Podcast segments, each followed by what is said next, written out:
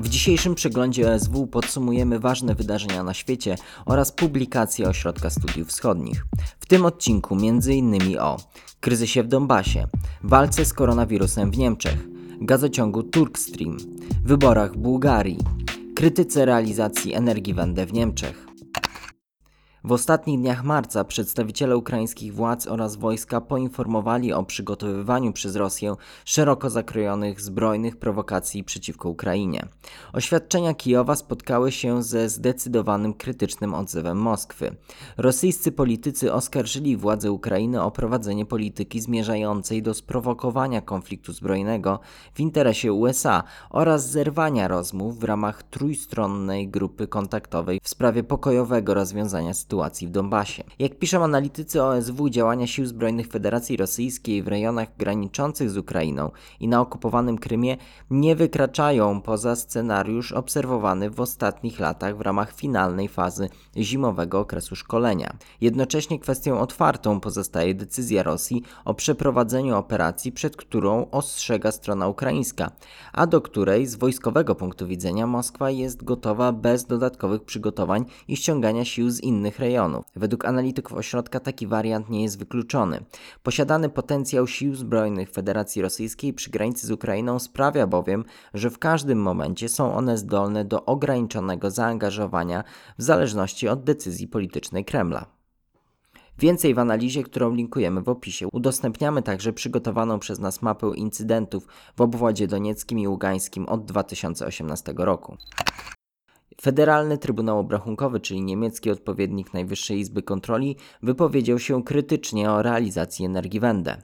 Trybunał skrytykował Ministerstwo Gospodarki i Energii za brak skutecznego przeciwdziałania wzrostowi cen prądu w RFN, który w ocenie kontrolerów stanowi poważne zagrożenie dla konkurencyjności gospodarki oraz społecznej akceptacji dla Energiewende. Negatywnie zaopiniowano także działania ministerstwa na rzecz zapewnienia bezpieczeństwa dostaw energii elektrycznej w kraju. Rosnąca cena energii elektrycznej w ramach transformacji od lat jest przedmiotem krytyki w debacie publicznej w Niemczech. Obecnie ceny prądu dla konsumentów indywidualnych oraz małych i średnich przedsiębiorstw należą w RFN do najwyższych w Unii Europejskiej. Przeciętne niemieckie gospodarstwo domowe płaci za niego 43% więcej niż wynosi średnia unijna. W badaniach opinii publicznej w Niemczech kwestia wysokich cen energii elektrycznej dla gospodarstw domowych od lat jest tematem krytyki, jest traktowany jako jeden z największych mankamentów, jednych z największych słabości niemieckiej transformacji energetycznej, czyli Energiewende. Federalny Trybunał Obrachunkowy w swoim raporcie zalecił rządowi głęboką reformę systemu opłat i podatków w obszarze energii tym momencie odpowiadają one łącznie za 3 czwarte ceny energii dla, dla konsumentów indywidualnych. Największy problem stanowi tutaj EEG-Umlage, czyli opłata OZE, z której finansowany jest rozwój energetyki odnawialnej. Ponadto Trybunał stwierdził, że rząd musi więcej wysiłków poczynić na rzecz zabezpieczenia dostaw energii elektrycznej w Niemczech, po wyjściu z energetyki jądrowej z końcem 2022 roku oraz w ramach wyjścia z węgla. Czy Turkstream wzmocni zależność państw Europy Wschodniej od Rosji? To temat najnowszego komentarza OSW dostępnego na naszej stronie. W grudniu 2020 roku ukończono kolejny bułgarsko-serbski odcinek europejskiej nitki gazociągu Turkstream którym od stycznia 2020 roku eksportowany jest surowiec z Rosji do Europy Południowo-Wschodniej. Jak piszą analitycy OSW, realizacja Turkstreamu miała umożliwić Rosji, poza zmniejszeniem tranzytu przez Ukrainę, utrzymanie lub nawet wzmocnienie roli rosyjskiego surowca oraz pozycji Gazpromu w Europie Południowo-Wschodniej.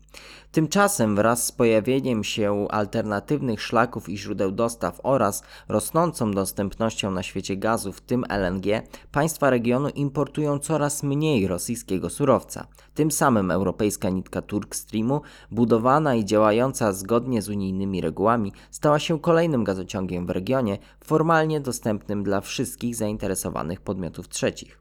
Więcej na ten temat w opracowaniu Agaty Łoskot-Strachoty, Mateusza Seroki i Marty Szpali, które linkujemy w opisie. Zarządzanie pandemiczne w Niemczech, a postawy wyborców. W ostatnich dniach ukazał się drugi numer monitora wyborczego OSW dotyczącego wyborów w Niemczech. Walka z COVID-19, w tym powodzenie akcji szczepień, będą najważniejszymi tematami niemieckiej kampanii wyborczej.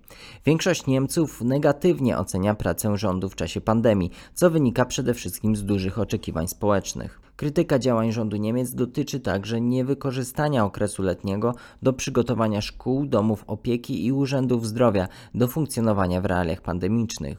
Pomimo rządowego planu cyfryzacji edukacji, placówki nie były jesienią gotowe na naukę zdalną. Dotychczas na zarządzaniu w czasach COVID-19 korzystała Hadecja, której popularność znacznie wzrosła od marca 2020 roku. Jednak po odwróceniu się tendencji poparcia dla prac rządu oraz w związku z negatywnymi ocenami działań ministrów odpowiedzialnych za resort zdrowia i gospodarki, Hadecja znajduje się obecnie pod największą presją. O walce z pandemią w Niemczech więcej mówimy w podcaście OSW, do którego link zostawiamy w opisie. Wybory parlamentarne w Bułgarii wygrała centroprawicowa koalicja partii Obywatele na Rzecz Europejskiego Rozwoju Bułgarii, obecnego premiera Borysowa i Związku Sił Demokratycznych. Koalicja zdobyła 26% głosów. Drugie miejsce z poparciem 18% zajęła nowa, antyestablishmentowa i głosząca hasła antykorupcyjne Partia Jest Taki Naród. Wyniki głosowania oznaczają porażkę politycznego establishmentu Bułgarii. Mimo niskiej frekwencji zarówno partia rządząca, jak i socjaliści nie zdołali zmobilizować dostatecznej liczby wyborców, aby zapewnić sobie możliwość sprawowania władzy. Konsekwencją wyborów będzie większa niestabilność bułgarskiej sceny politycznej. Jak pisze Mateusz Seroka, na niewielką frekwencję i słaby wynik dwóch głównych ugrupowań politycznych wpłynęła przede wszystkim epidemia COVID-19. W Bułgarii trwa trzeci lockdown, a działania rządu są oceniane jako nieskuteczne. Sukces odniosły prozachodnie siły antyestablishmentowe i antykorupcyjne, które choć podzielone, zdołały przyciągnąć ponad 30% głosujących. Mimo sukcesu wyborczego ugrupowania te są jednak zbyt słabe, by przejąć władzę. W opisie odnośnik do szerszej analizy. Zapraszamy do odwiedzenia osw.waw.pl, tam jeszcze więcej komentarzy i analiz. Zachęcamy do subskrybowania tego kanału oraz podania dalej tego odcinka. Kolejne materiały już wkrótce.